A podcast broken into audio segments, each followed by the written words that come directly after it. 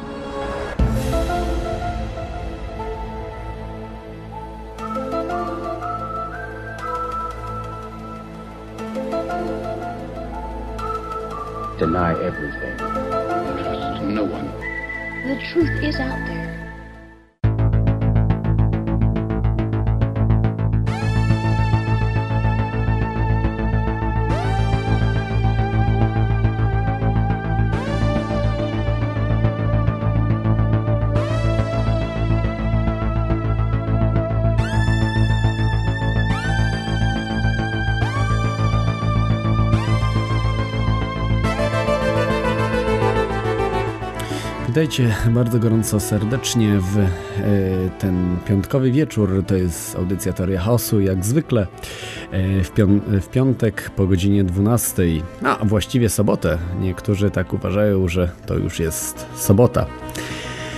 Jest to program, jest audycja y, o mm, spiskach, rzeczach niewyjaśnionych, no i wszystkich takich dziwnych rzeczach, o których możecie w ogóle pomyśleć.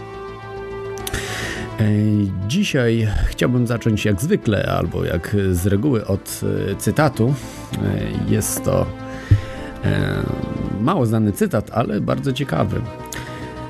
Chcesz rozpalić ognisko pod podkładem, pokładem statku i przeciwstawić się temu, co oferuje siła wiatru? Daj spokój, nie mam, na takie, e, nie mam czasu na takie idiotyzmy. Powiedział Napoleon Bonaparte do wynalazcy parowców, niejakiego francuskiego arystokraty markiza Claude'a François Geoffrey y, Da- Dabin. Y, No i jednak ten markiz miał rację. Y, Oczywiście może y, niekoniecznie w, mm, y, w tamtych czasach, bo to były dosyć prymitywne konstrukcje, natomiast w czasie jednak okazało się, że parowce, jednak to ognisko pod podkładem było silniejsze e, od siły e, wiatru, mm, e, które, na, który, wiatr, który napędza żaglowce. E, Dzisiaj już tak troszeczkę zdradziłem właśnie o czym będzie temat, bo mówimy o energii, prawda? Energii e, z drewna. I tak, e, i tak dzisiaj będziemy właśnie o tym będziemy dzisiaj e, rozmawiali. E, Na początek chciałem jeszcze powiedzieć o takich dwóch ciekawych kwestiach, o protestach 15 października, czyli jutro.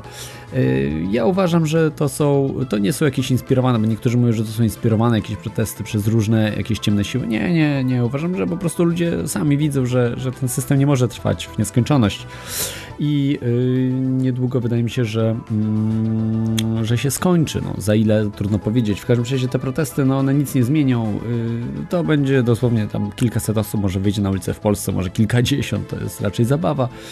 Y, będzie, myślę, że dopiero na prawdziwe protesty, które mm, coś mogą zmienić, to dopiero po tak zwanym zapaści systemu, po tąpnięciu systemu, zapaści tej systemu, tak zwanym właśnie falaucie systemu, na który y, no, muś, no, jest po prostu teraz nie tyle, że czas, ale no, widać wyraźnie, że już nawet bankowcy już oficjalnie w telewizjach mówią, że waluty upadną, ludzie potracą wszystkie mają, majątki, jeśli mają gotówkę, czy, czy oszczędności w banku i tak dalej, i tak dalej. Także Także to jest już przygotowane. Y, Oni są na to przygotowani, y, elity są przygotowane i tylko odpowiedni czas musi być na to, żeby to e, wprowadzili.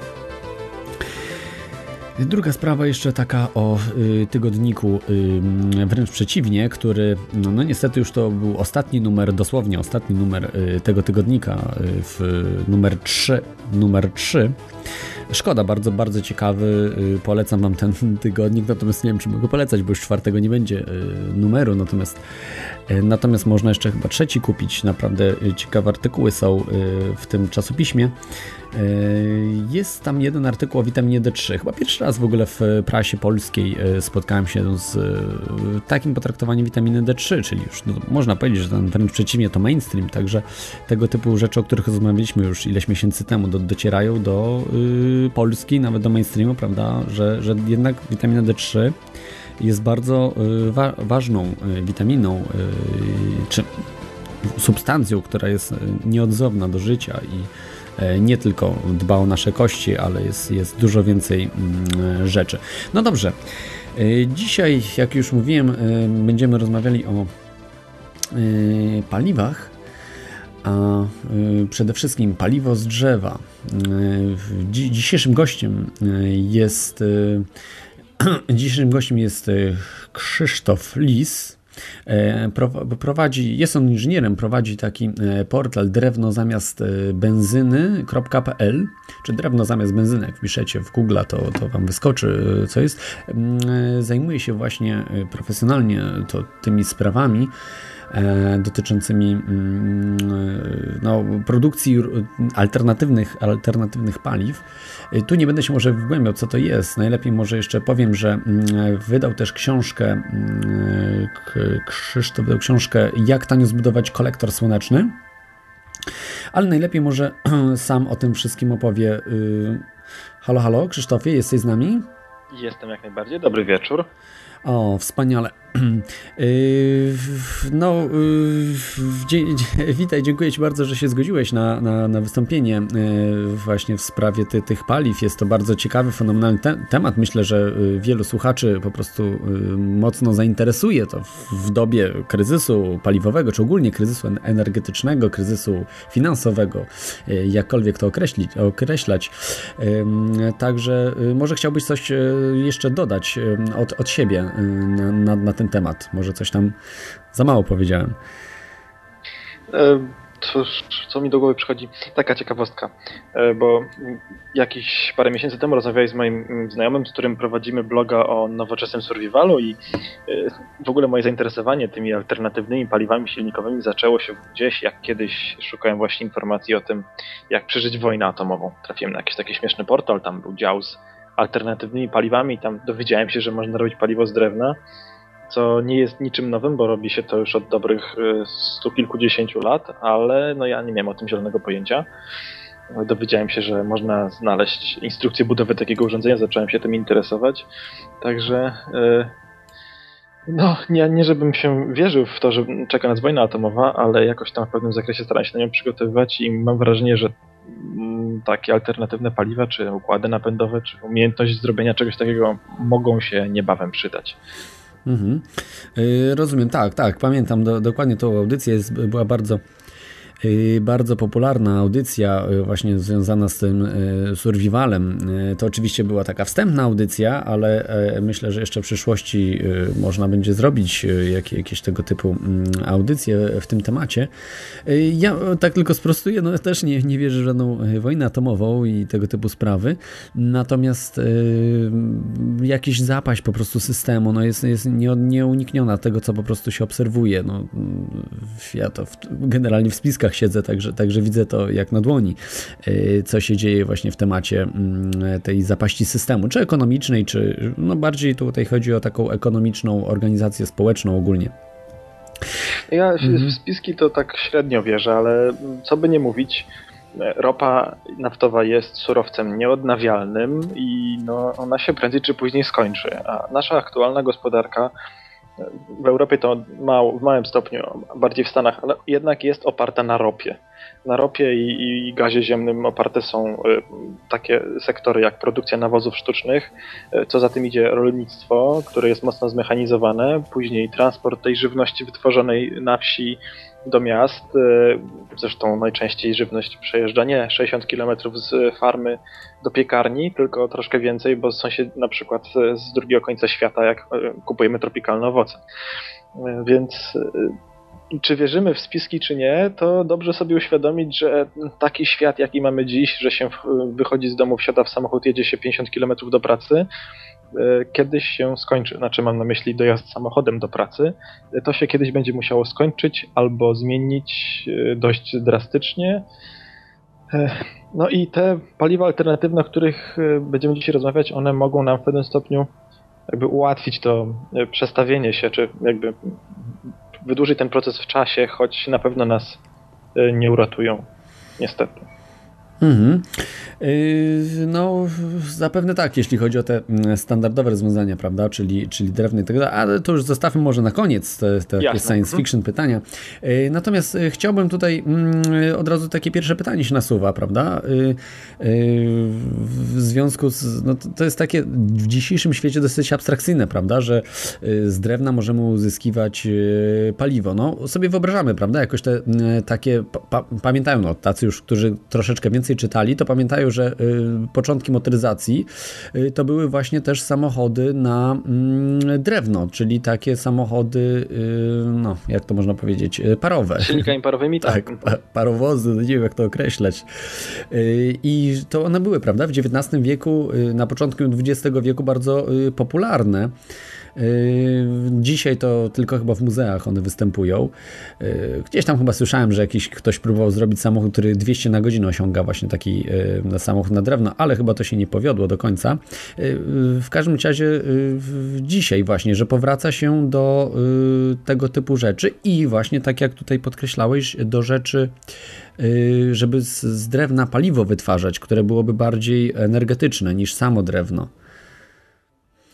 E, bardziej przydatne, mhm. tak, bo e, to będzie ciekawostka pewnie dla sporej części słuchaczy.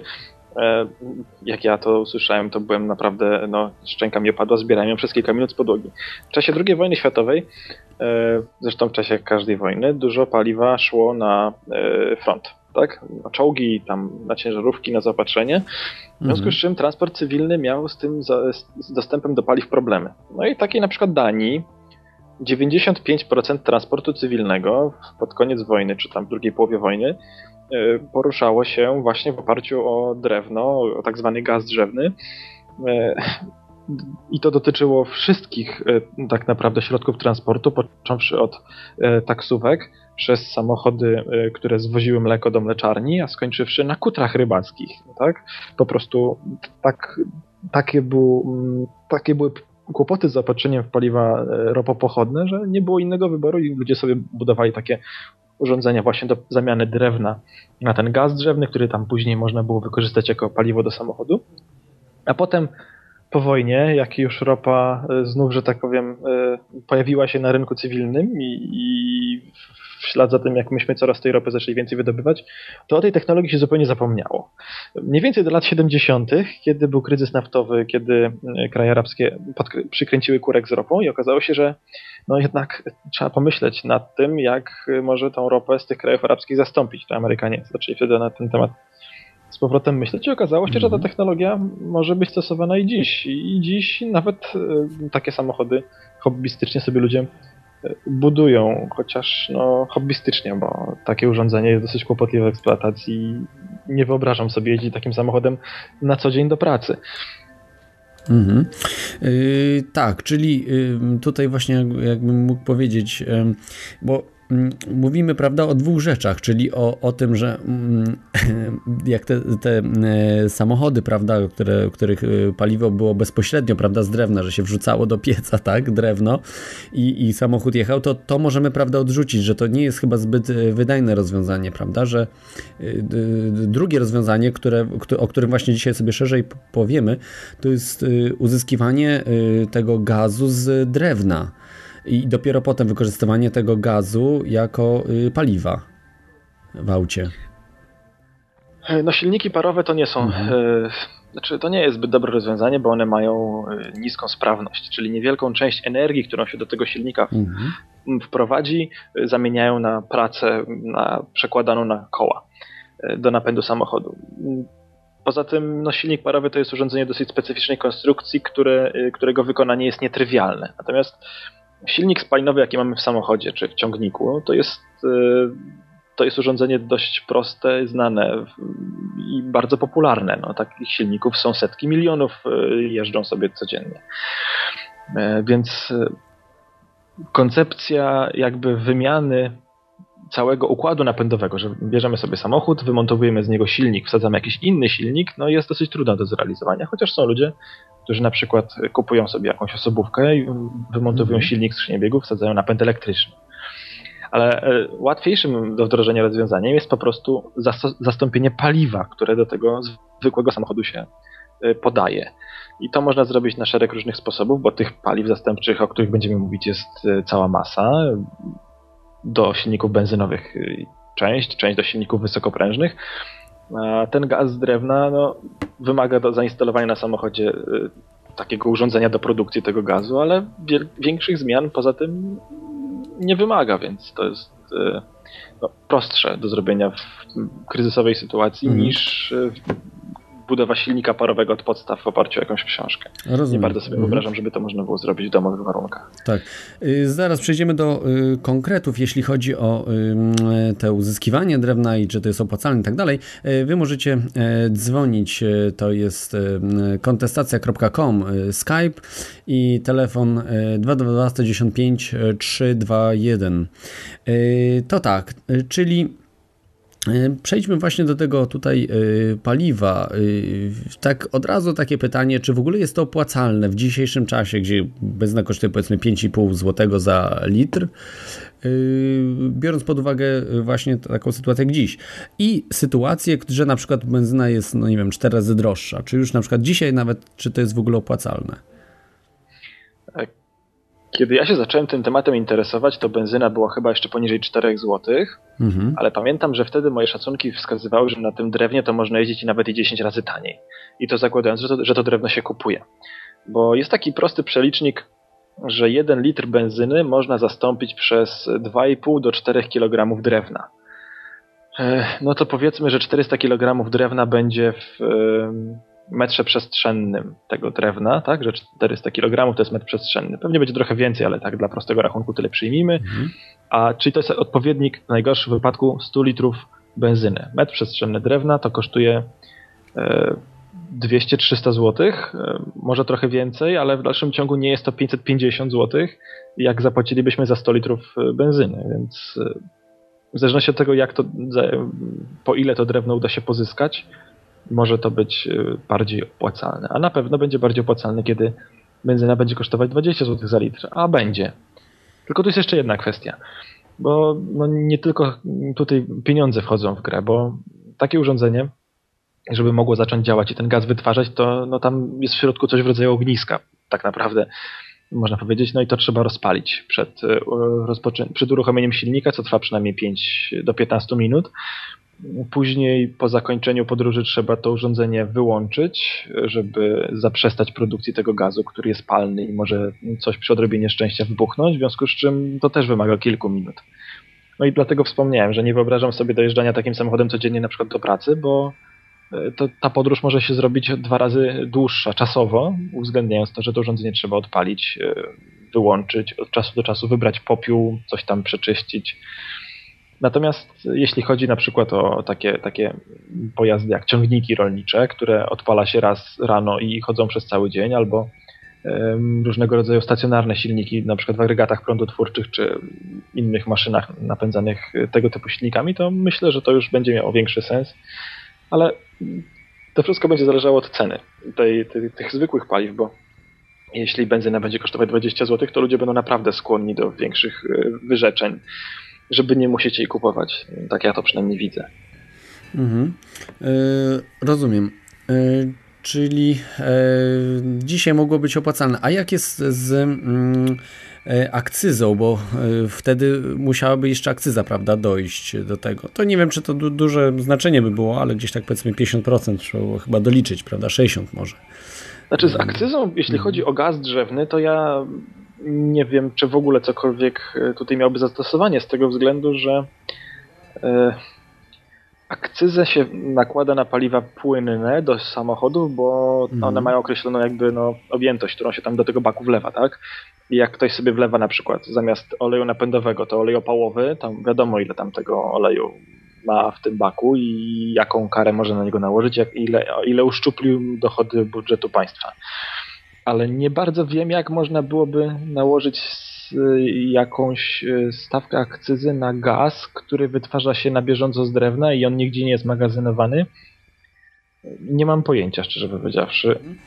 No to może zostawmy, zostawmy to, ten temat, bo y, że tak powiem, to jest, mm, jest ważniejsza sprawa, żeby mm, wiedzieć, prawda, czy wyprodukować to, bo jak będzie kryzys wielki, to już nawet nie będzie, nie będą w stanie y, rządy ściągać tej akcyzy, więc to nie będzie miało kompletnie y, znaczenia.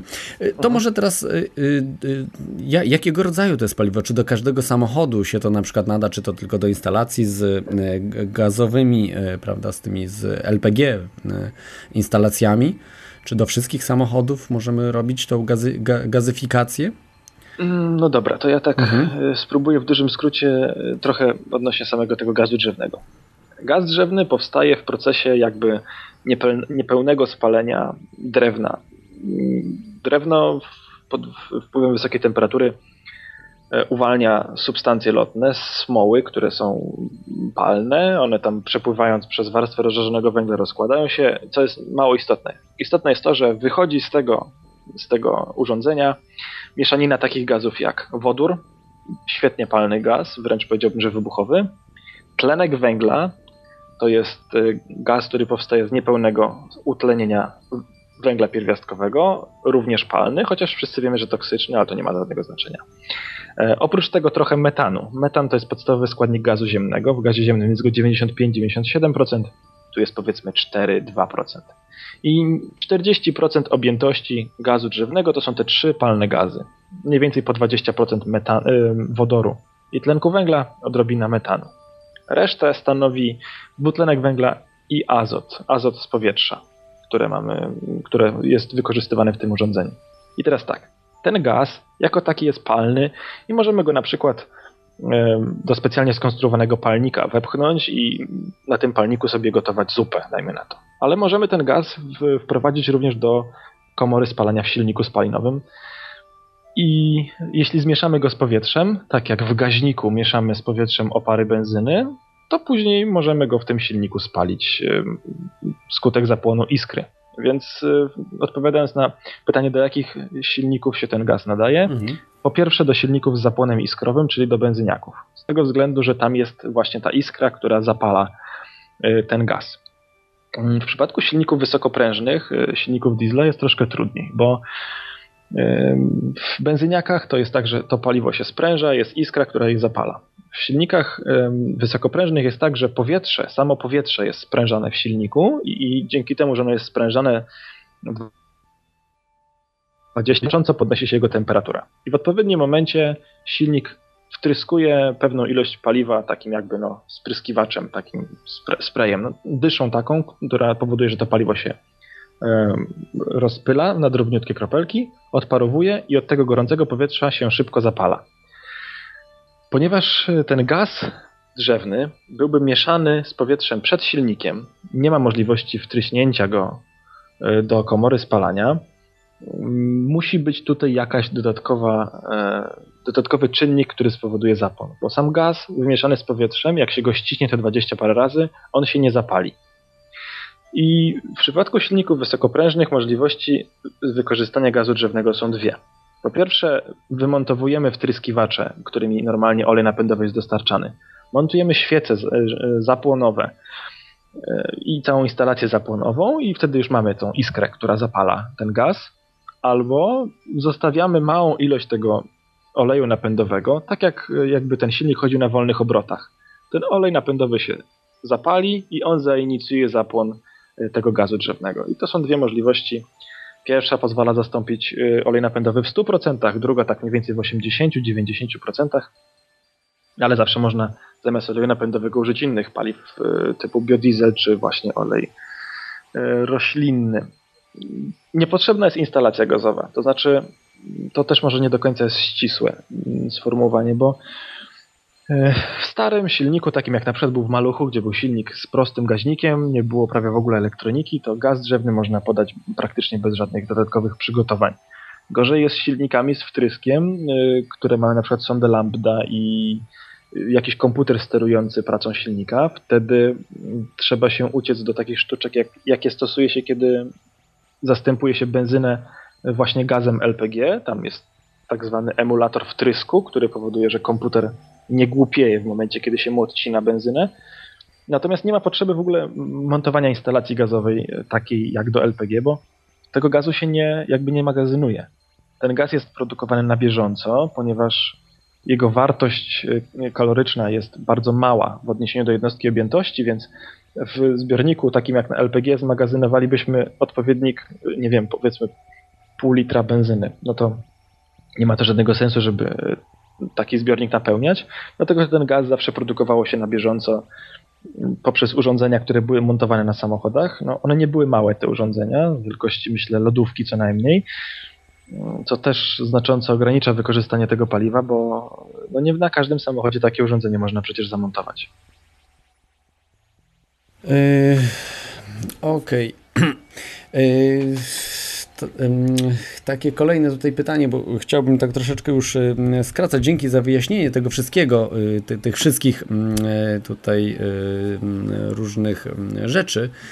Y, dotyczących paliw, bo chciałem jeszcze tylko tak, tak y, może uściślić trochę, że, czyli mamy tak jakby y, paliwo z drewna, prawda, gdzie uzyskujemy jakiś taki mm, gaz drzewny, tak, coś takiego. Mhm. Mhm. Mamy też te biodiesle, czyli oleje, którymi też wiem, że niektórzy po prostu normalnie używają ich zamiast diesla. W starych mhm. dieslach wiem, że leją po prostu z frytek, prawda, z fast foodów, prze, tak oleje, a także ze sklepu po prostu oleje spożywcze spożywcze.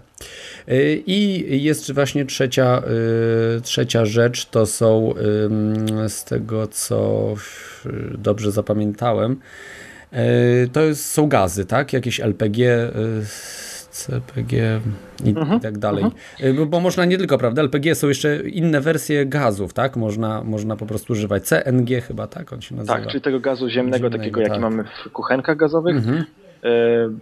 Metan z fermentacji beztlenowej, czyli biogaz, też się nadaje do silników, chociaż e, no, tutaj są w ślad za tymi dodatkowe kłopoty, ale też jest to paliwo, które można spalić w silniku, więc biogaz owszem. E, jeszcze alkohole wszystkie, czyli etanol, metanol, no, jak najbardziej tak, nadają tak, się do spalania w mhm. silnikach mhm. benzynowych przede mhm. wszystkim. No etanol to chyba było troszeczkę szkoda, bo jest dosyć, dosyć drogi, prawda? Jeżeli... Ale on jest drogi tylko dlatego, że mamy akcyzę na niego tak, tak nałożoną tak, wiem, w ale... horrendalnej mhm. wysokości. Jak się ten etanol, tak, koszt koszt produkcji litra etanolu mhm. jest rzędu dolara, czy półtora dolara. No to przeliczając to na złotówki, niech to będzie 5 złotych no to litr etanolu nie, zas, nie zastępuje litra benzyny, więc y, on jest droższy nieco od benzyny. Mhm. Natomiast nic nie stoi na przeszkodzie, żeby produkować sobie taki etanol, zdajmy na to jakieś tam odpadów y, z sadu, z jakichś spadów owocowych z sadu. To nie musi być alkohol o wysokiej jakości, dobrym, o czystym smaku, tak? To jest, to może być najbardziej podły alkohol, byleby był y, mhm. wysokoprocentowy. I mam tutaj na myśli nie 40 parę, tylko 96%. Mhm. Tak. E, więc jeśli się jeszcze do tego wykorzysta jakąś odpadową energię, nie wiem, z, e, no tutaj mi takie źródło na szybko nie przychodzi, ale chociażby zwykły kociołek na, na drewno, którym się, e, który się opala gałęziami ściętymi w sadzie, tak, co też się zawsze w sadzie robi co roku, to robi się z tego naprawdę tania, tanie paliwo, które można wytworzyć no nie do końca legalnie, ale całkiem tanio, tylko nakładem własnej pracy tak naprawdę. Mhm. No można też z cukru, prawda? Że nie trzeba... Och nie, nie jasne, jasne, ale to już w, tym tak. momencie przestaje się opłacać. Cukru... Chociaż y, myślę, że dobrze jest y, no, mhm. jakby znać chociażby w teorii to, tą możliwość, gdyby była potrzeba zastosowania jej kiedyś. Mhm. Tak, tak, tak. No, wiadomo, prawda? No, zawsze mi się wydawało, że z cukru taniej wychodzi niż z owoców, bo tak z owoców, no to trochę. Chyba, że mamy faktycznie z sadu jakieś takie mhm. spady zupełne, prawda? To, to, wtedy, to wtedy tak. Dobrze, to może zostawmy ten tutaj temat, tak, tak uściślenie. Czyli yy, jeszcze tylko tak powrócę może do tych właśnie fast foodów, bo to jest, to jest ciekawe po prostu, że yy, można jeździć na zużytym oleju, gdzie praktycznie to jest odpad, prawda? Z fast foodów, z różnych yy, restauracji i możemy go używać do Y, palenia w silniku, w sensie takim, że do spalania go po prostu w silniku diesla. Możemy. E, mhm. Olej roślinny, zarówno taki surowy, mam tutaj na myśli nieprzetworzony, jak i przetworzony do postaci biodiesla. Z tym olejem jest tylko taki problem, że on ma większą lepkość niż olej napędowy. W związku z czym, jak wspomniałem o tych wtryskiwaczach, które rozpylają ten, to paliwo w silniku, to olej napędowy rozpylają całkiem nieźle na drobniutkie kropelki. Olej roślinny mają większy problem. Te wtryskiwacze, żeby rozpylić, i nie do końca on się dobrze spala. To może powodować, że tam będzie się zbierać niedopalony mm, olej na ściankach, znaczy sadza się będzie zbierać na ściankach silnika, to może go tam no, doprowadzić do jego uszkodzenia. Dlatego najczęściej robi się to na, na dwa sposoby. Albo się ten olej roślinny miesza z metanolem w obecności zasadowego katalizatora i robi się biodiesel, który ma już e, nieco mniejszą lepkość, wciąż trochę większą niż olej e, napędowy, ale już znacznie mniejszą niż olej roślinny i wtedy praktycznie można lać 100% biodiesla do baku, zwłaszcza w starszych dieslach. W nowych z Common Railem nie próbowałbym. Albo się stosuje taką instalację, która podgrzewa ten olej roślinny. Że ten płyn, który, płyn chłodniczy, który normalnie chłodzi silnik i podgrzewa nas w kabinie, on jest kierowany do takiego wymiennika, w tym wymienniku podgrzewa ten olej roślinny. Olej roślinny w wyższej temperaturze ma niższą lepkość i to umożliwia e, mniej problemowe spalanie tego oleju w silniku. Natomiast hmm. no, zanim to się nagrzeje, to kilka kilometrów trzeba przejechać i znów oszczędności się zmniejszają, bo te pierwsze kilka kilometrów trzeba przejechać na oleju napędowym, a ostatnie kilka kilometrów też, żeby w instalacji nie pozostał olej roślinny. Dlaczego? Bo jak się wstawi olej roślinny do zamrażarki, to on y, może nie tyle zamarza, ale robi się z niego żel, galareta. No i potem taka galareta jest właśnie w silniku i ten silnik może nie odpalić, jak ktoś zostawi olej roślinny w silniku zimą. Mhm. Rozumiem. Y, mamy słuchacza na antenie. Halo słuchaczu. Y, witam, witam. Witam Ciebie, ja Mam również. Mam do gościa odnośnie jak, jakie jakie specyficzne właściwości ma mieć drzewo, y, żeby poddać je gazyfikacji? Jaką wilgotność powinno mieć y, i jaki gatunek drzewa? No dobra, to jest w miarę proste pytanie, bo drewno, które najlepsze, najlepiej nadaje się do zgazowania, ono bardzo parametrami jest porównywalne do drewna, które nadaje się dobrze do kominka. Czyli po pierwsze musi być suche, y, powinno mieć wilgotność nie większą niż 20%, to jest pierwsza rzecz. A druga rzecz jest taka, że powinno to być drewno liściaste. Wynika to z tego, że e, drewno liściaste ma mniejszą zawartość substancji smolistych, e, które e, są przy procesie produkcji gazu drzewnego bardzo niepożądane. Halo? Halo? Tak? O, słyszę, słyszę. Tak. Mhm. Więc chodzi o gatunek, o to, żeby to było drewno liściaste, pozbawione smoły i suche. I w zasadzie to tyle. Y, jeśli chodzi o na przykład, no bo jest jeszcze istotne rozdrobnienie tego drewna, mm, to wynika z tego, że te urządzenia, które przetwarza drewno na, na gaz drzewny, ono wymaga, aby to drewno było rozdrobnione w kawałki rzędu wielkości 2 cm, czy tam 2-4 cm, żeby to, mm, ten jakby przepływ tego drewna z zasobnika do komory spalania był, był zapewniony. E, rozumiem. Czy w powstałym gazie nie. E, czy powstały gaz nie zawiera także metanolu?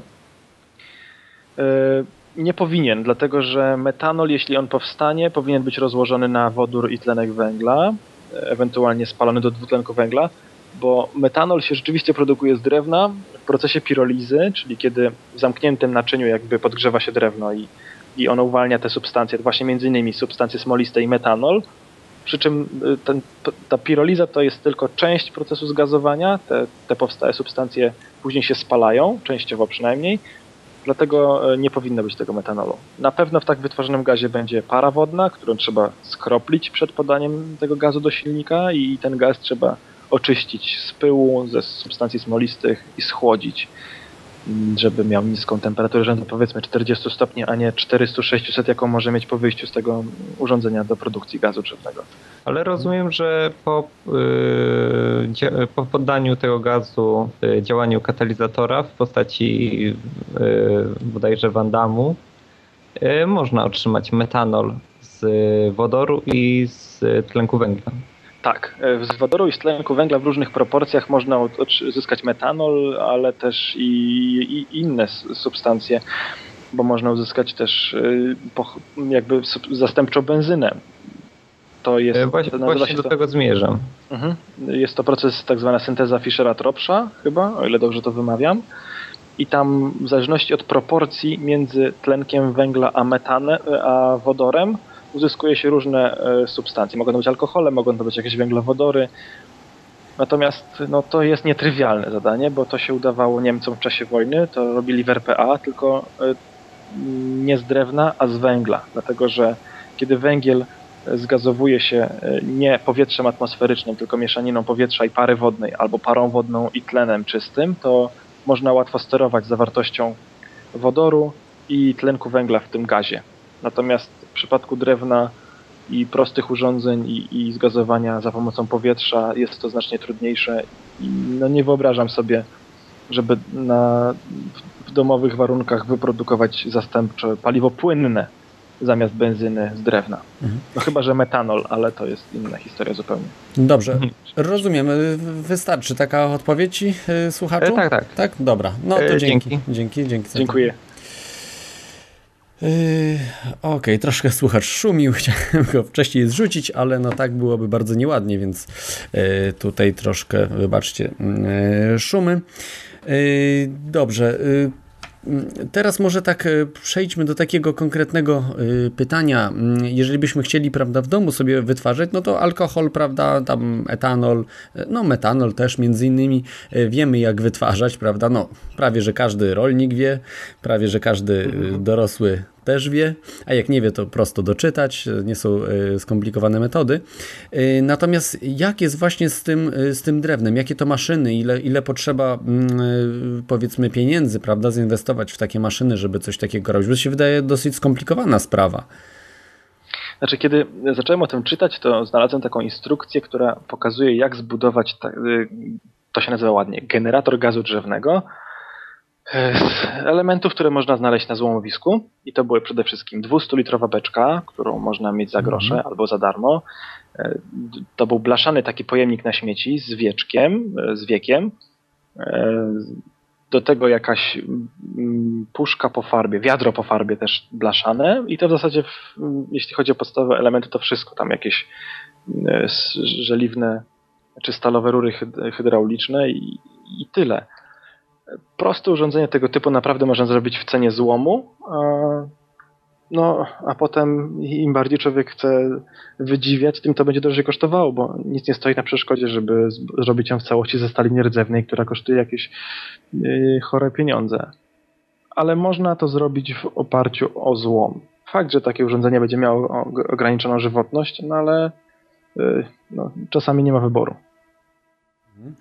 Yy, rozumiem.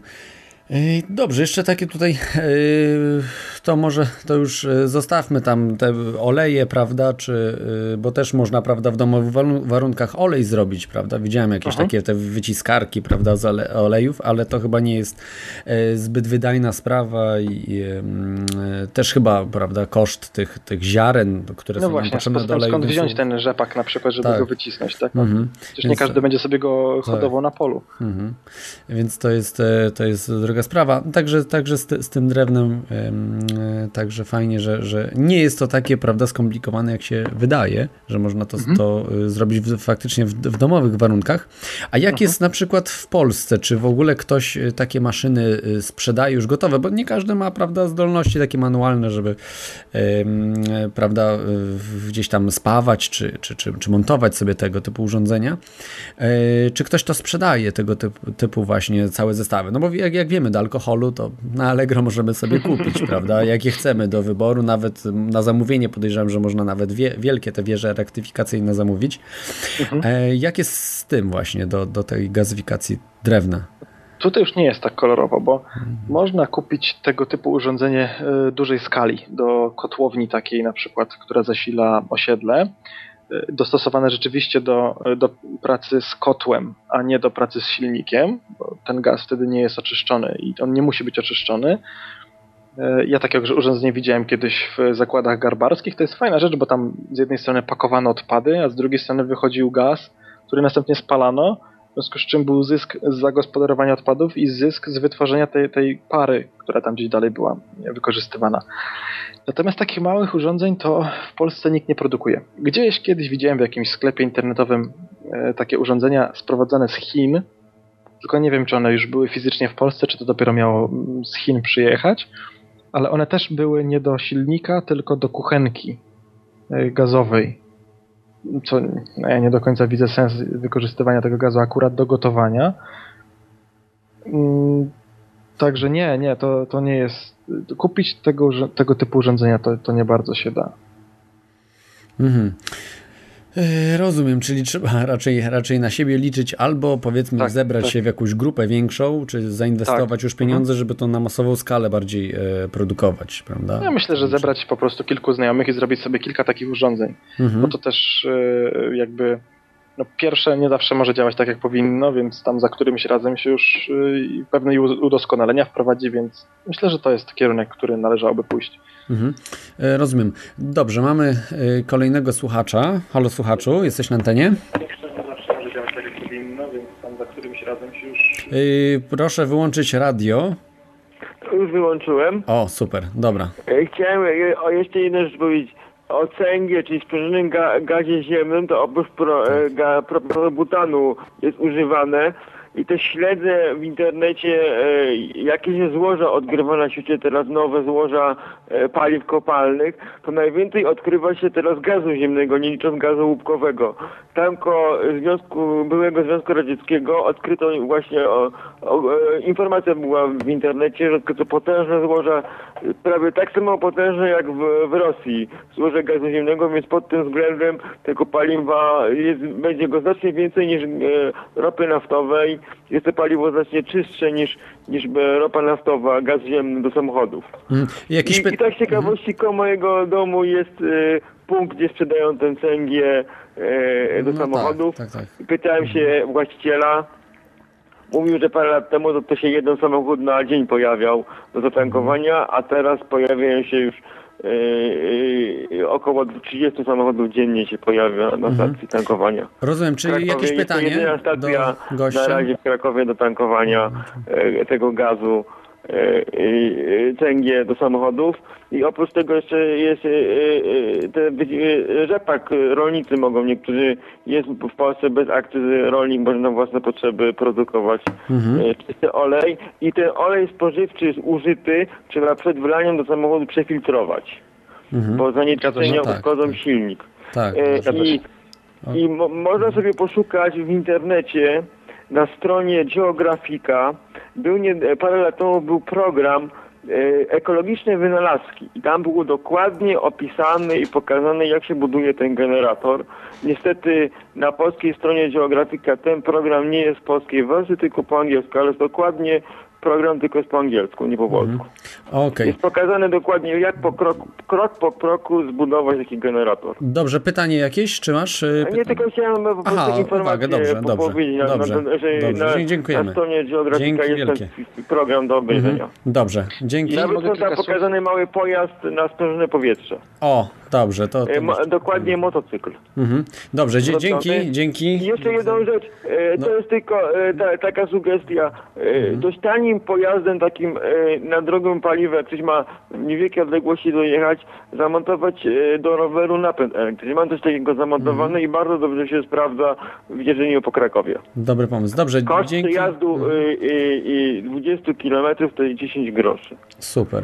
No, bardzo, to tyle, bardzo tyle chciałem. Jeszcze jedną rzecz, a to jest techniczne. Do Was się bardzo ciężko dodzwonić. Bardzo długo jest sygnał, że nikt nie podnosi telefonu.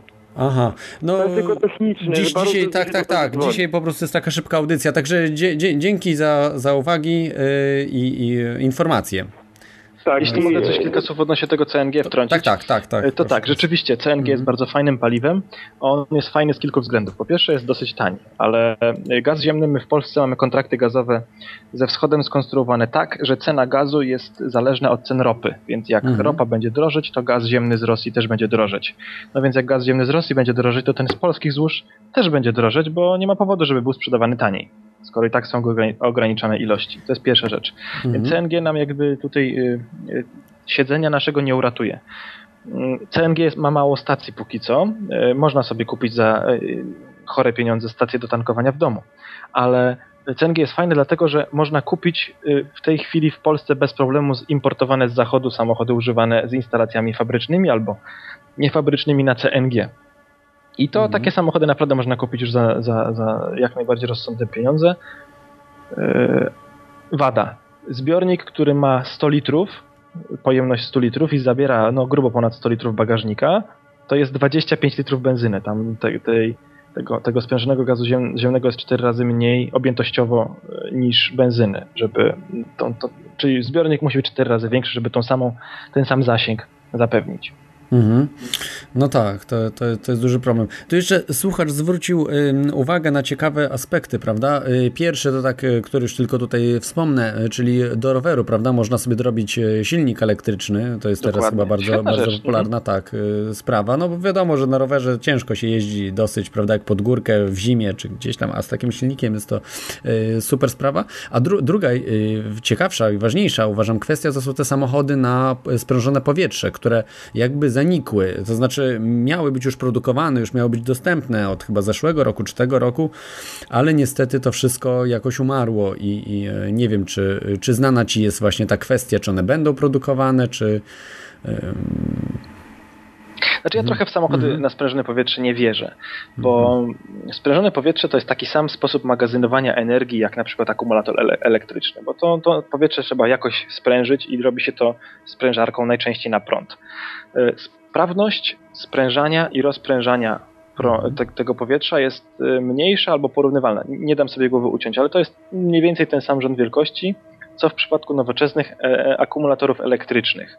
E, Zaleta jest taka, że ten zbiornik no, jest mniejszy, lżejszy od baterii akumulatorów, ale w zasadzie to tyle, bo silnik na sprężone powietrze ma podobną e, masę co silniki elektryczne, może jest też trochę lżejszy, ale e, kłopotów jest mam wrażenie więcej niż to jest wszystko warte. Ten zbiornik też musi być duży, a zbiorniki, e, duże zbiorniki e, z powietrzem o wysokim ciśnieniu to jednak jest jazda na bombie. I to nie jest taka jazda na bombie jak na butli z gazem LPG, bo to naprawdę e, fizycznie ta butla się rozrywa, jak tylko e, gdzieś tam zostanie po- poważnie uszkodzona i, i, i wybucha.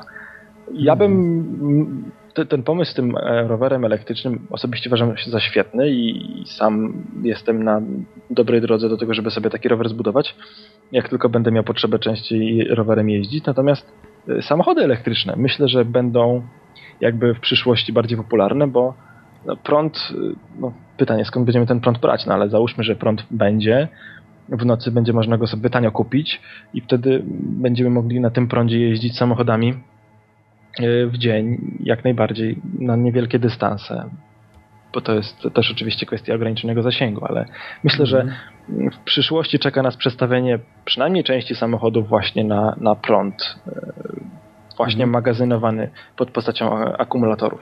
Ja ostatnio z takim e, prowadzącym, znacie e, pewnie kreatora, rozmawiałem, dys dyskutowaliśmy w pubie na temat właśnie samochodów elektrycznych, że jest jeden świetne rozwiązanie, które w Chinach stosują, bo akurat z Chińczykami rozmawiałem i oni to u siebie stosują, tego typu rozwiązanie, że po co po prostu budować stacje ładowania akumulatorów, czy, które są bardzo skomplikowane, czy w domu ładować i tak dalej, jak można po prostu całe komplety y, akumulatorów, czyli podjeżdżamy na stację, wymienia, oddajemy te stare, zużyte akumulatory, w sensie, że rozładowane, wstawiają nam y, taki sam zestaw po prostu y, załadowanych akumulatorów i jedziemy dalej.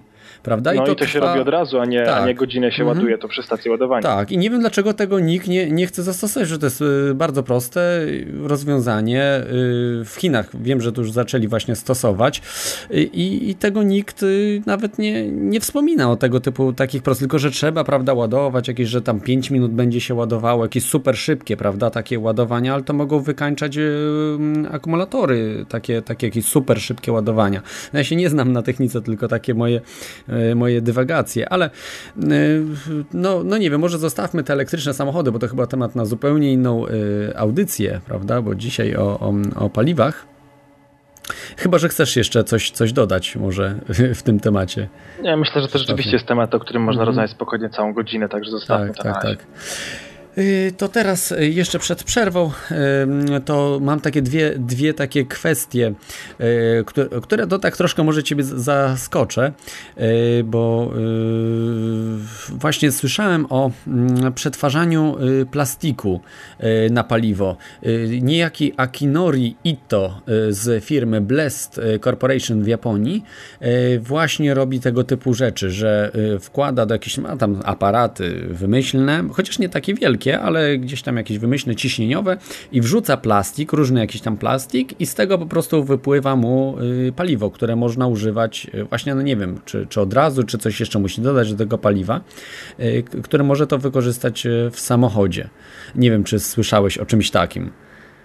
No takich technologii to jest trochę, bo mhm. plastik przecież też produkuje się z ropy i tam też jest e, węgiel i wodór, czy podstawowe dwa pierwiastki wchodzące w skład mhm. wszystkich paliw płynnych, więc to jest tylko kwestia jakby ciśnienia, temperatury, jakichś katalizatorów i odpowiednich proporcji tych substancji, które się tam wsadza, żeby wychodziło z tego paliwo nadające się do zrobienia z nim czegoś zupełnie innego. Także jeśli mam być szczery, to e, plastiki, po pierwsze nauczymy się porządnie robić ich recykling i wykorzystywać je powtórnie, a całą resztę, którą nie będziemy w stanie wykorzystać powtórnie, będziemy właśnie wykorzystywać, y, będziemy zamieniać na paliwo y, płynne. Tak, tak, tak to widzę, mhm. albo ewentualnie spalać żywce Mhm.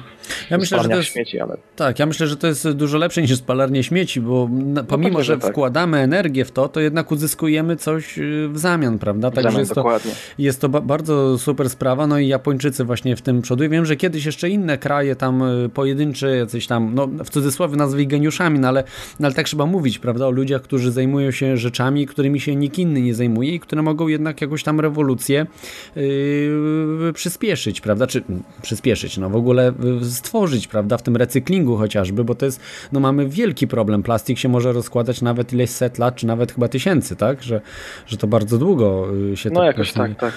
plastiki rozkładają i to po prostu one y, dalej tam są, prawda? Nie tak, że zginie za rok, za tam dwa czy trzy lata, prawda, już ich nie będzie, tylko będą jeszcze przez setki lat. I, i, i zaśmiecały, prawda? A to też do gleby przechodzą te substancje, już no nie, no nie znam się aż tak na tym, ale wiem, że to też nie jest niezbyt korzystne, to jest coś sztucznego, prawda, to co wprowadzamy do, e, do ekosystemu. E, no dobrze, a druga taka kwestia, tutaj to już z Polski, e, która była w, taka rozpopularyzowana w 2009 roku, taka dosyć nagłośniona, była to taka metoda wymyślona, nie wiem czy wymyślona, ale oni to chcą opatentować na UMCS-ie w Lublinie, w polskiej uczelni. Hmm. Przetwarzanie CO2 na benzynę, olej napędowy lub gaz. To niejaki profesor Dobiesław Nazimek się właśnie zajmował tak. technologią. Ja, ja, za bardzo nie, nie mogłem zrozumieć o co tam chodzi, ale on tam mówił, że to jakaś taka bardzo nowatorska metoda i Amerykanie to chyba skopiowali. Tylko nie wiem, czy on po prostu to tak trochę nad wyraz mówił, czy to naprawdę y, jest właśnie coś, coś wielkie, wiel, wiel, wielce rewolucyjnego y, w tej metodzie. Jeśli mam być szczery, mhm. to ten człowiek albo nie rozumie sam o co to chodzi, albo rozumie, tylko nas okłamuje, bo to nie ma prawa działać. Żebyśmy mhm. mogli zamienić dwutlenek węgla w jakieś użyteczne paliwo, musimy do tego celu wykorzystać energię, takie są prawa fizyki, tego nikt nie zmieni. No i niestety problem polega na tym, że włożyć musimy tam więcej energii, niż tej energii wykorzystamy. To też jest prawo fizyki i tutaj tego też nie przeskoczymy. No i to się kończy tym, że jak krytycy pomysłu tego policzyli bilans produkcji tego paliwa z dwutlenku węgla, to okazywało się, że e, lepiej jest ten prąd, bo to miało być na prąd, tam miały być jakieś ultrafioletowe lampy, to miał być jakiś jeszcze e, sztuczna fotosynteza, czyli zamiana tego dwutlenku węgla na, na jakieś tam węglowodory czy węglowodany, i pod, pod wpływem światła i, i, wychodziło, że lepiej jest ten prąd zużyć do akum ładowania akumulatorów w, w samochodach elektrycznych. Mhm. No ale ktoś sobie zrobił bezpłatną reklamę w telewizji, ale no, zwróć uwagę na to, Nie wiem, czy reklamę, bo jeżeli to, jest, jeżeli to jest e, coś, co naukowcy, że tak powiem, negują, no to taką tak. antyreklamę troszkę sobie chyba zrobił. No, ale tam naukowców to mało kto słucha, no jak się powie Polakom, że będziemy tu mieli drugi Kuwait, to od razu będą wszyscy się cieszyć, hmm. tylko yy, zaraz wymyślać, że i każdy, kto twierdzi, że jest inaczej, to pewnie jest opłacane przez koncerny naftowe, którym zależy na tym, żeby y, tej benzyny alternatywnej, syntetycznej nie produkować. Mhm. No ale cóż, no, ja mam wrażenie, że e, to zupełnie nie ma szansy istnienia i racji bytu, ale no, jeśli mam być szczery, chciałbym się mylić. Naprawdę uczciwie mówię, że chciałbym się mylić, chociaż nie sądzę, żebym się mylił. Mhm. Może po prostu to jest tylko metoda tak jak z tymi plastikami, prawda, że też więcej y, włożymy energii, prawda, ale, ale uzyskujemy płynne, coś płynnego, prawda, z dwutlenku węgla, no nie wiem, tak teraz walczą wszyscy z tym dwutlenkiem węgla, prawda, i tak dalej, no nie wiem, może więcej roślin powinni sadzić, ale no walczą, to może chcą jakiś mają pomysł właśnie, żeby zagospodarować ten dwutlenek węgla też jakiś tam sposób, prawda? Bo to takich metod zamiany jednego rodzaju energii, mhm. którą, którą mamy, powiedzmy, której mamy, którą możemy łatwo uzyskać, czyli prądu, na inny rodzaj energii, który możemy zapakować do samochodu, na przykład jest wodór. Bo wodór najprościej produkuje się na dwa sposoby. Albo z gazu ziemnego, mieszając go z parą pod wysokim ciśnieniem i produkuje się właśnie wodór i dwutlenek węgla, albo się robi to za pomocą elektrolizy wody, że się podłącza wodę do prądu i powstaje, rozdziela się na atom, e, na atomy tlenu i wodoru. Mhm. Ale to w dalszym ciągu do tej elektrolizy trzeba włożyć energii więcej niż się później uzyska ze spalania tego wodoru. No więc e, czemu w takim razie nie korzystać z tego prądu prosto do ładowania akumulatorów? Rozumiem. Czyli już tu właśnie przeszliśmy do tych pytań science fiction, no może nie science fiction, bardziej science niż, niż fiction, może te ostatnie, takie bardziej fiction niż science, ale e, właśnie tu o samochodach na wodór. E, co sądzisz właśnie o tych samochodach? Bo ja mam e, osobiście troszeczkę takich e, obiekcji co, co do nich ze względu na to, że na przykład ja bym się troszeczkę jednak bał e, jechać z samochodem na wodór, prawda, w takim zbiornikiem, bo to jest jednak widziałem te katastrofy e, Challengera też i innych e, rakiet wcześniejszych. E, no, i jakoś, jakoś po prostu nie, nie wydaje mi się, że to jest takie bezpieczne. Co, co ty na ten sądzisz właśnie na, na samochodach na wodór? Czy to jest krok do przodu? Ja gdzieś kiedyś widziałem, chyba jeszcze na uczelni, na wykładach, taki film, gdzie pokazywali jak się rozprzestrzenia pożar właśnie takiego zbiornika z wodorem i zbiornika z, z wybuchłym gazem samochodowym, autogazem, tak, czyli LPG. Mhm. Jak pamiętam, to tam był tylko taki pojedynczy płomień, który dosyć jakoś tak wyglądał na nie, niegroźnie. Mam na myśli ten, ten, ten samochód z, ze zbiornikiem wodoru, a samochód z, z gazem LPG to tak jakoś się strasznie potwornie szybko spalił, czy nawet tam jakiś był mały wybuch, już nie pamiętam, ale wyglądało to niegroźnie, więc ja tym to bym sobie głowy nie zawracał, ale mhm. wodór to tak, tak jak mówię, wodór to jest tylko i wyłącznie sposób magazynowania energii, którą musimy wziąć z innego źródła. Nie ma czegoś takiego, że gdzieś ktoś wykopie dziurę w ziemi i znajdzie wodór. Wodór mhm. pod czystą postacią na ziemi no, praktycznie nie występuje. W związku z czym trzeba go wytworzyć z innych y, nośników, znaczy no, paliw przenośników energii to za dużo powiedziane, z wody można go wytworzyć, ale na to trzeba zmarnować energię i nie jestem przekonany, czy nie lepiej będzie tą energię po prostu y, pakować, tak jak mówię, do akumulatorów. Mhm. Moim zdaniem samochody na wodór to nie jest y, rozwiązanie, to nie jest przyszłość, to jest y, ślepa uliczka, którą y, firmy próbują wejść, nie wiem zupełnie po co.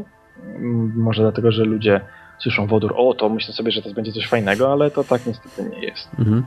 Rozumiem. To teraz tutaj przejdźmy może y, do samochodów elektrycznych, bo już tam na powietrze, prawda, na jakiś tam, powiedzieliśmy sobie y, o spalinowych, no to wiemy, prawda, jakie są możliwości za pomocą tego, tego węgla, a samochody elektryczne, uważasz, że to jest y, krok do przodu i w tą stronę y, powinniśmy właśnie pójść, żeby od razu powiedzmy z elektrowni y, czerpać energię? Może nie wiem, z światła czy ze słońca.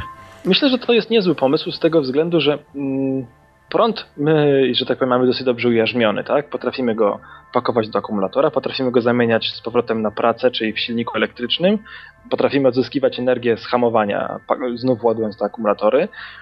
Y, co więcej, łatwo jest dosyć y, jakby ten prąd dostarczyć do tego samochodu, bo każdy dom ma jakieś tam gniazdko z prądem, jedno czy więcej, no najczęściej więcej, więc ma gniazdko, którym mógłby ładować ten swój samochód. Stacje ładowania, myślę, że to jest trochę przesadzony problem, bo nie, nie widzę kłopotu, żeby doprowadzić zwykłe gniazdko odpowiednio większej mocy na parking podziemny i tam odpowiednią końcówkę do tego przy, przystawić. No, mhm. Mam wrażenie, że, że firmy trochę przesadzają z tymi problemami i to mogłoby działać tak, że e, ktoś taki jak ja, który mam powiedzmy 15 km samochodem do pracy, tak, to sobie wsiadam w samochód rano, jadę tym samochodem do pracy, ładuję sobie w pracy, ładuję sobie w domu w nocy i albo ładuję sobie tylko w domu w nocy i, i problem z głowy. Myślę, że taki właśnie transport na małe dystanse, czyli właśnie na dojazdy do pracy, czy tam do marketu, czy jak sobie rodzina chce pojechać do kina, to będą właśnie samochody elektryczne. E, no ale to będzie straszny kłopot, no bo to będzie oznaczało, że znaczna część tych naszych samochodów, które są w tej chwili w użyciu, będzie musiała być po prostu zastąpiona samochodami elektrycznymi. Chociaż są fanatycy, którzy dziś, tak jak mówię, kupują osobówkę, wymontowują z niej silnik e, i skrzynię biegów, montują akumulatory, sterowniki, e, silniki i cenowo wychodzi ich to nawet dość korzystnie z tego względu, że sprzedając wszystkie te części wymontowane, jakoś tam część pieniędzy odzysku, odzyskują. Mhm. Yy, rozumiem. Ja tu mam taką, taką uwagę, no bo tutaj słuchacze yy, wiedzą, co ja sądzę, prawda? Jestem zwolennikiem wielu różnych spisków, znaczy nie zwolennikiem utajniania tych spisków, tylko zwolennikiem, że te spiski są po prostu prawdziwe i y, w przyszłości będziemy powiedzmy no latali różnymi, raczej latali niż jeździli po ziemi, e, ale nie na zasadzie mm, silników spalinowych, tylko zupełnie innych, y, innego typu silników, ale to zostawmy. Natomiast y, chciałbym tutaj powiedzieć jeszcze o samochodach elektrycznych, bo wiem w niektórych miastach w Polsce są trolejbusy, czyli mamy takie jakby linie, prawda, nie mają te, te pojazdy nie mają, prawda, w sobie baterii, chyba, że jakąś dojazdową tylko, ale e, pobierają energię elektryczną po prostu z tych, e, no tak jak pociągi też, prawda, e, z tak tych, tych no, pałąków, no, z linii po prostu energetycznych. I tak mogło być na przykład na autostradach, bo generalnie tam są naj, największe te odległości, więc tam po prostu jak się wjeżdża na taką autostradę, byłyby bramki i po prostu płaciłoby się za ten prąd od razu i można byłoby, nie trzeba było mieć tych akumulatorów nie wiadomo ile, prawda, tak powiedzmy na takie autostradzie jechać, prawda, 400. No ja nie mówię o Polsce, bo tu nie ma autostrad, ale o innych krajach europejskich, gdzie te autostrady są, to można to zastosować. Y, można to zastosować i y, wtedy y, po prostu byłoby to dużo tańsze rozwiązanie, bo taki silnik jest prawda bardziej wydajny, czyli byłyby to dużo wydajniejsze systemy niż systemy spalinowe. No ale to, to mówię, no to taki system przejściowy pomiędzy tym, a co, co mi się wydaje, prawda, lataniem w przyszłości. To myślę, że mógł być, mógł być niedługi, niegłupi pomysł. No jest wiadomo dużo, dużo różnych tych pomysłów. A jak jest właśnie jeszcze tylko tak mam do ciebie pytanie ze światłami, prawda? No bo wiadomo, że cały, muszą być e, cały teraz rok używane światła, to jednak chyba mocno obciąża, prawda? Światła mocno obciążają e, ten e, zużycie energii. To znaczy, mm, podobno to jest, nie do końca, to jest niemierzalne. Podobno się tego, tego, tego nie zauważa, ale no ja mam mieszane uczucia co do tego. Głównie mm. ze mhm. względu na obciążenie akumulatora, który przecież ten prąd musi jakby wytworzyć, jak się samochodem jeździ głównie po mieście, gdzie silnik nie osiąga wysokich obrotów, to ten akumulator może nie mieć szansy się doładować i potem szybko pada, więc ja bym może, no na pewno, no co by nie mówić, na pewno zużycie większe paliwa jest. W sytuacji, kiedy się jeździ na światłach, to nie podlega dyskusji. Mam wrażenie, że nieznacznie większe. Mhm. E, największe znaczenie dla zużycia paliwa w samochodzie ma łącznik kierownicy z pedałami, czyli kierowca. I to jak mocno naciska na gaz. Ale e, jazda na światłach przez cały rok robi większą krzywdę nie naszym portfelom bezpośrednio na stacjach benzynowych, tylko przy zakupie akumulatorów raz na jakiś czas i alternatory, e, prądnice w samochodach szybciej padają. Mhm. Przez to, że muszą tego prądu wytworzyć więcej po prostu. No, no i oczywiście żarówki, prawda? No, naturalnie, tak. tak, to, no ale to zostawmy ten problem. Y, kolejny, tak, to, tutaj już zostawmy może te samochody elektryczne, bo to zupełnie już poznana, stara sprawa i jeszcze taka ciekawostka, że kiedyś było więcej chyba samochodów elektrycznych na początku XX wieku, tak, tak niż, niż samochodów mhm. spalinowych. Taka Jasne, sytuacja oczywiście. była, to, to, to też wielu po prostu ludzi nie wie, że, że tak było. Ale teraz przejdźmy troszeczkę do takiego science fiction już tematu tematu. Znaczy, zaraz przejdziemy do takich już maksymalnych, ale teraz takiego samochody nuklearne, na baterie nuklearne i tego typu urządzenia. Bo czytałem trochę właśnie o, o bateriach nuklearnych, y, to mm, no, y, są naprawdę świetne rozwiązania niektóre, y, że umożliwiają powiedzmy raz zainstalowanie takiej baterii w samochodzie i nie generalnie nie trzeba jej już wymieniać przez cały żywot samochodu, zakładając 10 lat powiedzmy dla, na samochód. Z tym, że no właśnie nie wiem jak to jest, bo pewnie można bombę sobie zbudować nuklear, znaczy bombę jądrową, tak? Z, z, takich, z takich baterii, tak podejrzewam, no nie, nie znam się na tym, ale czy słyszałeś właśnie o czymś takim i czy to uważasz, że mogłoby być coś takiego sensowne? Znaczy, ja się trochę zatrzymałem w rozwoju wiedzy na temat takich małych źródeł e, e, energii jądrowej e, przy okazji takich małych kontenerowych, powiedzmy, wielkości kontenera elektrowni, ale takich stacjonarnych elektrowni, które miałyby służyć do zaopatrzenia sieci elektroenergetycznej w prąd. Myślę, że to, no nie wiem, no, w przyszłości, którą ja jestem w stanie w jakiś sposób próbować przewidzieć, to, to ja tego nie, nie widzę za bardzo. Jeśli już, to raczej w przypadku okrętów, statków, no, no to, to, tak to, to, jest akurat tak. nic nowego, ale na przykład lokomotyw. Mhm. E, I to też raczej nie w Europie, ale w Stanach, w całej północnej Ameryce jest sporo linii kolejowych, ale one nie są zelektryfikowane. Więc tam jeżdżą lokomotywy e, z silnikami diesla. U nas jest, są te linie w większości zelektryfikowane, więc to pewnie się nie, w ogóle by nie było sensu tego upowszechniać. Natomiast tam myślę, że, że jak najbardziej. Kolej transsyberyjska chyba też nie jest zelektryfikowana, o ile dobrze pamiętam. To też byłoby miejsce, gdzie takie, takie, takie mm, układy napędowe mogłyby się sprawdzić, ale tak poza tym to, to nie, nie, widzę. Myślę, że będzie z tym więcej problemów. Zresztą ludzie jakoś tak boją się tej energetyki jądrowej. Mhm. To znaczy, w sumie, że się boją, to się nie dziwię, bo uważam, że właśnie y, zdrowszym podejściem jest y, małe elektrownie, a nie wielkie, ze względu na to, że jak taka mała, powiedzmy, elektrownia wybuchnie, czy powiedzmy nawet taki reaktor, prawda, w takim samochodzie, no to nie będzie dużych strat. No, powiedzmy, kierowca może zginie, prawda, napromieniowany zostanie czy ktoś, ale nie będzie takich strat jak w Fukushimie mamy, prawda, czy, czy w Czarnobylu. Y, a to na pewno w przyszłości będzie więcej, jeśli będzie więcej trzęsień ziemi, prawda, to no ale to mówię, to moje prywatna, prywatne zdanie. Uważam, że właśnie powinno się pójść w małe elektrownie e, atomowe, które będą bezpieczniejsze pod tym względem, y, że skażenie, prawda, wybuch takiej elektrowni nie będzie powodował aż tak wielkich zniszczeń.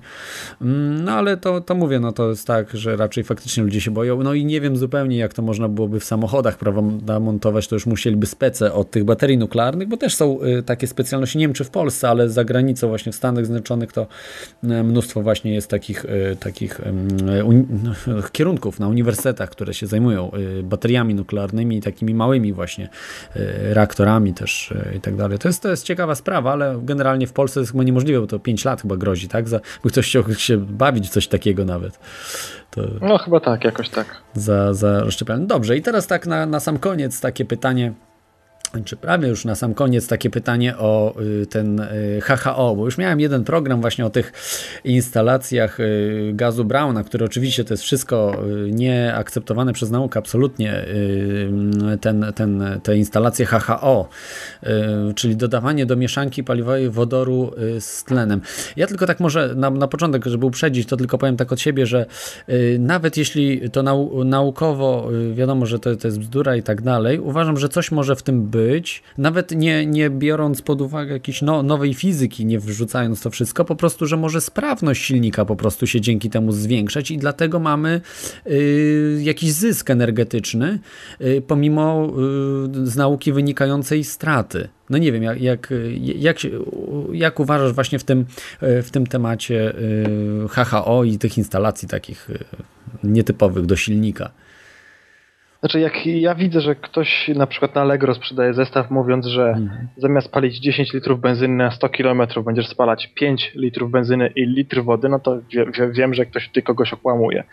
E, bo rzeczywiście, e, to fizyka, jaką znamy, e, twierdzi, że tego typu instalacje nie mają prawa działać, bo to jest to samo, o czym wspomniałem przy okazji produkcji wodoru. Tutaj ten, tą wodę roz, rozdziela się na wodór i tlen przy mhm. użyciu prądu z akumulatora. Tak. I tym sposobem, jeśli rzeczywiście ten wodór i tlen później w silniku jest spalany, ta, ta energia jest odzyskiwana, to my zabieramy prąd z akumulatora, który później jest doładowywany mhm. przez alternator napędzany silnikiem, więc to się koło się zamyka. Natomiast i tutaj jakby takiego zysku energetycznego dodatkowego nie ma. Woda sama z siebie no, nie jest paliwem, się nie spala. Mhm. Rzeczywiście jest ten, ten mechanizm, o którym wspomniałeś, czyli ta poprawa sprawności, bo wodór jako taki spala się bardzo szybko. No, bardzo szyb, szyb, szybko się rozprzestrzenia w nim płomień, więc jakiś niewielki wpływ poprawy sprawności można zaobserwować. Tylko, tylko tak silniki spalinowe sprawności mają duże, stacjonarne silniki zoptymalizowane pod tym kątem max 40%. E, powiedzmy, że silnik samochodowy ma tą sprawność 20%. E, nie, nie widzę możliwości, dla której ten wodór miałby podnieść tą sprawność dwukrotnie, czyli z 20 do 40%. No i on może poprawić o, nie wiem, o 2 punkty procentowe, tak? Czyli z 20 do 22, czyli o jedną dziesiątą. Mm, ale to, tego też sobie nie bardzo wyobrażam. Takich mhm. urządzeń cudownie oszczędzających paliwo jest y, więcej. Na przykład e, takich, takich, takie urządzenia jak magnetyzery. E, mhm. Jak gdzieś czytałem kiedyś taki świetny artykuł takiego mm, inżyniera samochodowego, który tam przez kilkanaście lat w branży pracował, który właśnie pisze, że tego typu urządzenia to, to najczęściej mają wpływ taki psychologiczny na kierowcę, że on mhm. tam zdejmuje nogę z gazu, bo mu się wydaje, że, że dzięki temu będzie palił mniej. Rzeczywiście jego samochód pali mniej, ale jest to tylko ten efekt. Czyli placebo, tak? Tak, placebo, dokładnie. Mhm. E, no nie wiem, ja po prostu w to nie wierzę. Mhm. Ja, znów, ja chciałbym, naprawdę chciałbym się mylić. Chciałbym, żeby, żeby możliwe było zastąpienie benzyny przez wodę. Ja bardzo chętnie y, przetestuję takie urządzenie w swoim samochodzie, jeśli tylko ktoś będzie miał ochotę y, w tym zakresie współpracować. Udostępnię na, łamy swojej strony internetowej do takiego testu. Mhm.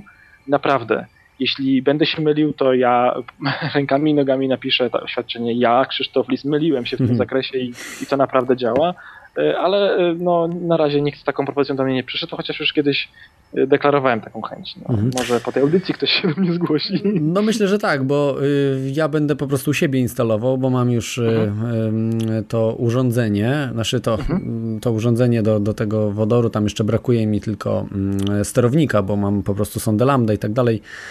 Yy, także, yy, także to, to zainstaluję i może możemy się po prostu dogadać, że, że przetestuję u siebie, prawda, jak zainstaluję, to będzie gdzieś w listopadzie będę testował, mhm. Yy, także, także mm, możemy zobaczyć. No dobrze, na koniec jeszcze tutaj mamy telefon, halo, Lord Blik jest z nami. Cześć. Witaj. Cześć. Ja w sprawie tego HHO, ja tak sobie myślę, że Y, tam nie tylko sam wodór jest, ale też dużo jest y, pary wodnej, która też zwiększa, y, że tak powiem, efektywność spalania. Efektywność spalania to może nie, ona w jakiś sposób para wodna jako czynnik termodynamiczny w silniku no, jest w pewnym sensie korzystna, ale to bardziej w ten sposób, że się wtryskuje do silnika wodę i ona pod wpływem ciepła odparowuje i wykonuje dodatkową pracę, natomiast para wodna sama z siebie, no nie wiem, ja też znów uczciwie powiem, ja się w temat HHO niespecjalnie e, wgryzałem, bo ja to czuję na pierwszy rzut oka, że coś jest nie tak. I może rzeczywiście tutaj ta para wodna w tym silniku również ma jakieś e, zbawienne działanie dla jego, zbawienny wpływ na jego pracę, nie wiem. No bo jest jeszcze taka konstrukcja jak Gun Engine, taki e, mhm. z podwójnym tłokiem i tam y, y, woda ma duże znaczenie jako no jest efektywniejszy zdecydowanie silnik i myślę, że to no może coś być na rzeczy w tym kierunku. Znaczy myślę, że jakby wszelki rozwój silników spalinowych, które spalają jakieś tam konkretne paliwo, takich tradycyjnych, czy, czy z tych z podwójnym tłokiem, czy jakichkolwiek innych silników zamieniających y, paliwo na energię mechaniczną w ten sposób jest no, ograniczony i to jest ślepa uliczka. I co byśmy z tymi silnikami nie robili, to za wiele nie zajdziemy, bo to paliwo się nam po prostu skończy prędzej czy później. Mam wrażenie, że transport musimy przestawić zupełnie na, in, na inny model funkcjonowania, czyli e, na przykład ogniwa paliwowe y, na powiedzmy metan, czy nawet, nawet na ten nieszczęsny wodór, do ciężarówek, e, osobowe samochody na małe dystanse e, elektryczne, a na większe dystanse będziemy e, jeździć pociągami, bo po prostu nie będzie innej możliwości. No, ale Jeszcze tak, yy, oglądałem jakiś czas temu na Discovery, yy, wymyślili nowy sposób wytwarzania wodoru, yy, coś ala sztuczna fotosynteza, to jakieś tam ogniwa krzemowe, światło słoneczne czy jakiekolwiek inne i to powodowało, że był, wytrącał się wodór. Może słyszałeś o czymś takim? Przyznam szczerze, że nie, ale ja no, nie, nie, za bardzo, jeśli chodzi o wodór, nie jestem też znów na bieżąco. Jeśli tylko da się do tego zaprząc energię, która jest bezpłatna, jak, tak, jak energia słoneczna, świetnie. Naprawdę wodór ma ze sobą, niesie ze sobą całą masę problemów. Jego jest ciężko przechowywać. On ucieknie przez najmniejsze pory w stalowym zbiorniku i, i tak dalej, i tak dalej. Ma też niską gęstość. Zbiornik na wodór musiał być jeszcze kilka razy większy niż zbior, zbiornik na sprężony gaz ziemny, ale być może to paliwo ma przed sobą przyszłość. No, na pewno nie w tradycyjnych y, samochodach y, spalinowych, bo wodór w silnikach spalinowych spala się tragicznie. Y, to znaczy, on się spala świetnie, natomiast nie nadaje się na paliwo do silników, bo wybucha i nie pali się takim jakby równym płomieniem. Niewielka ilość jego jest korzystna, natomiast duża ilość już, już nie. Może w mhm. połączeniu z parą wodną y, to już ta dynamika wybuchu jest inna. Mhm. Y, tak, tak, dokładnie. W porównaniu z tlenkiem węgla, którego w gazie drzewnym jest wodór i tlenek węgla, to już wygląda inaczej, bo tlenek węgla pali się dosyć spokojnie i wtedy to jedno z drugim jakby się mm, równoważy. Mhm. Ale to zobaczymy też przy testach y, dotyczących właśnie tego HHO, bo tam też jest z wodoru, to po prostu zdam relację, jeżeli zainstaluję to wszystko u siebie, jak to jest, jak to jest u mnie, bo y, próbowałem też u siebie mm, ten efekt psychologiczny zastosować placebo, jakoś mi nie wyszedł, czyli bez instalacji niczego, y, bo no, dosyć dużo po prostu pali mój samochód, więc poniżej pewnej granicy nie da się zejść, nawet jakby się jeździło mhm. naprawdę bardzo, bardzo, szczególnie w mieście, bardzo oszczędnie. E, natomiast też właśnie z tymi magnetyzerami kolega właśnie mówił, że tam półtora litra gdzieś e, powiedzmy, że tak gdzieś 15% e, mniej mu pali z tym magnetyzerem, ale faktycznie no tutaj to nie mam, no może być to, prawda, efekt psychologiczny, że zamontował sobie i, i po prostu mówi, że, że mu mniej pali, no bo faktycznie może mniej pali, ale może być to spowodowane, że delikatnie jeździ.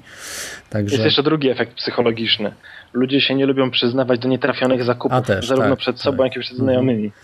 Racja. U mnie to też działo. Ja miałem w moim pierwszym samochodzie, którym był maluch, miałem magnetyzery. Ja jeździłem nim jak stary dziadek, znaczy powoli. I rzeczywiście maluch palił mi tam 4 litry z groszami, czyli dosyć mało, ale no, bądźmy szczerzy, to nie był efekt tego, że tam były te magnetyzery, tylko efekt tego, że ja jeździłem jak stary dziad po prostu. Mhm. Racja. Dobrze, dziękuję Ci Lordzie Bliku za, za telefon. No cześć, dzięki. Cześć, cześć. Yy, dobrze, no to będziemy yy, w tej chwili już yy, kończyć. Czy chciałbyś jeszcze tak jakoś na, na podsumowanie właśnie może, ja, jak ty uważasz, jak się przyszłość potoczy, tak już troszeczkę wybiegniemy w przyszłość, jak, jak to, w którą stronę właśnie pójdziemy według ciebie w tych paliwach? No ja mam wrażenie, tak jak wspomniałem, że, że transport będzie musiał się przestawić na, na prąd, i w zakresie małych odległości będziemy sobie do pracy dojeżdżać albo komunikacją publiczną, albo właśnie samochodami elektrycznymi. Na dłuższe odległości pociągi, samoloty nie wiem na co będą latać, może na jakieś biopaliwa. Biopaliwa to też jest, czy ten biodiesel, bioetanol, to, to też jest ślepa droga, bo silniki spalinowe mają niewielką sprawność i ale etanol, metanol można do ogniw paliwowych niektórych stosować. To jest świetna rzecz. Łatwo uzyskać paliwo i dosyć mm. dobrze można je wykorzystać w silniku, e, w samochodzie, bo to też nie jest tradycyjny silnik w tym momencie. E, czyli nie tyle przestawi nam się, nie tyle przestawimy samochody z jednego paliwa na inne, co raczej przestawimy siebie jako użytkowników tych samochodów z jednego modelu korzystania na inny. Będziemy z tych samochodów korzystać rzadziej, będzie nas to pewnie kosztowało drożej. Natomiast co jest dla mnie nie wiadomo i ja nawet nie próbuję zgadywać, jak to się będzie działo, to jest to, co nastąpi pomiędzy dziś a tym, o czym wspomniałem przed chwilą. Bo jak ropa się skończy, przepraszam, nie, nie jak skończy się ropa, bo ropa może się nie skończyć nigdy. Jak skończy się tania ropa, tania i łatwo dostępna ropa, czyli taka jak w tej chwili, nie, proszę mi nie mówić, że benzyna jest droga, bo jest, ale ropa jest jeszcze tak tania, że nigdy już taka tania może nie być. E, jak się skończy tania ropa, to będą się działy w gospodarce światowej rzeczy straszne, bo nagle żywność podrożeje, mhm. E, plastiki podrożeją, e, gaz ziemny podrożeje, węgiel podrożeje, bo będzie trzeba zastępować tą ropę innymi paliwami. Wszystko podrożeje i naprawdę będziemy leżeć na łopatkach, jeśli się do tego nie, przygotu nie przygotujemy finansowo, zawodowo, psychicznie też. I nawet jeśli mam być szczery, to nie chcę o tym myśleć, bo potem nie będę mógł spać dzisiaj w nocy i, mhm. Zostawmy ten temat. Tak. Myślę, że będziemy się przestawiać na samochody elektryczne, a na, e, na gorsze czasy, które nastąpią rzeczywiście, warto jest y, zapoznać się z tymi, tymi alternatywnymi paliwami. Biodiesel można wyprodukować łatwo, jak ktoś ma odpadowy olej roślinny, ale to nie liczmy, że ten odpadowy olej roślinny w gorszych czasach też będzie łatwo dostępny. Etanol można zrobić w domowych warunkach i to jest coś, myślę, z czym warto się zapoznać. Gaz drzewny też można zrobić w domowych warunkach. Y, jako takie rozwiązanie awaryjne myślę, że będzie najlepsze. Mhm. Yy, Okej, okay. ja tylko jeszcze tutaj nadmienię, że za tydzień będzie audycja o HHO. Już jedną audycję robiliśmy o tym, o tym gazie, teraz będzie druga właśnie też z praktykiem, który użytkuje yy, to, właśnie urządzenia, sam też robi różne instalacje dla siebie i tak dalej yy, z osobą. Yy, także wszystkich zapraszam chętnych, jak chcą się dowiedzieć.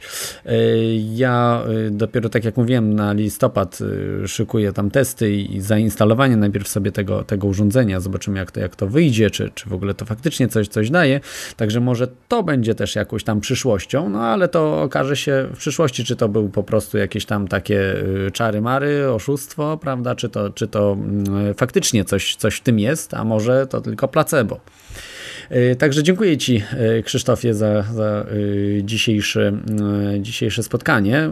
Dzięki serdeczne. I Was też dziękuję, że byliście. Zapraszam Was właśnie za tydzień. I jak zwykle właśnie uruchamiam utwór ten co zwykle.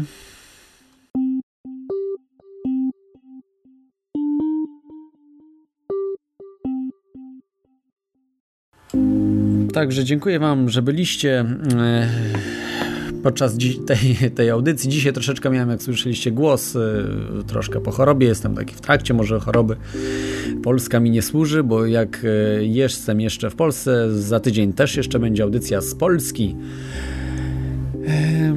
Jak już mówiłem o HHO, postaram się troszeczkę więcej może New Age wprowadzić, bo no ale trzymajcie się za tydzień, cześć.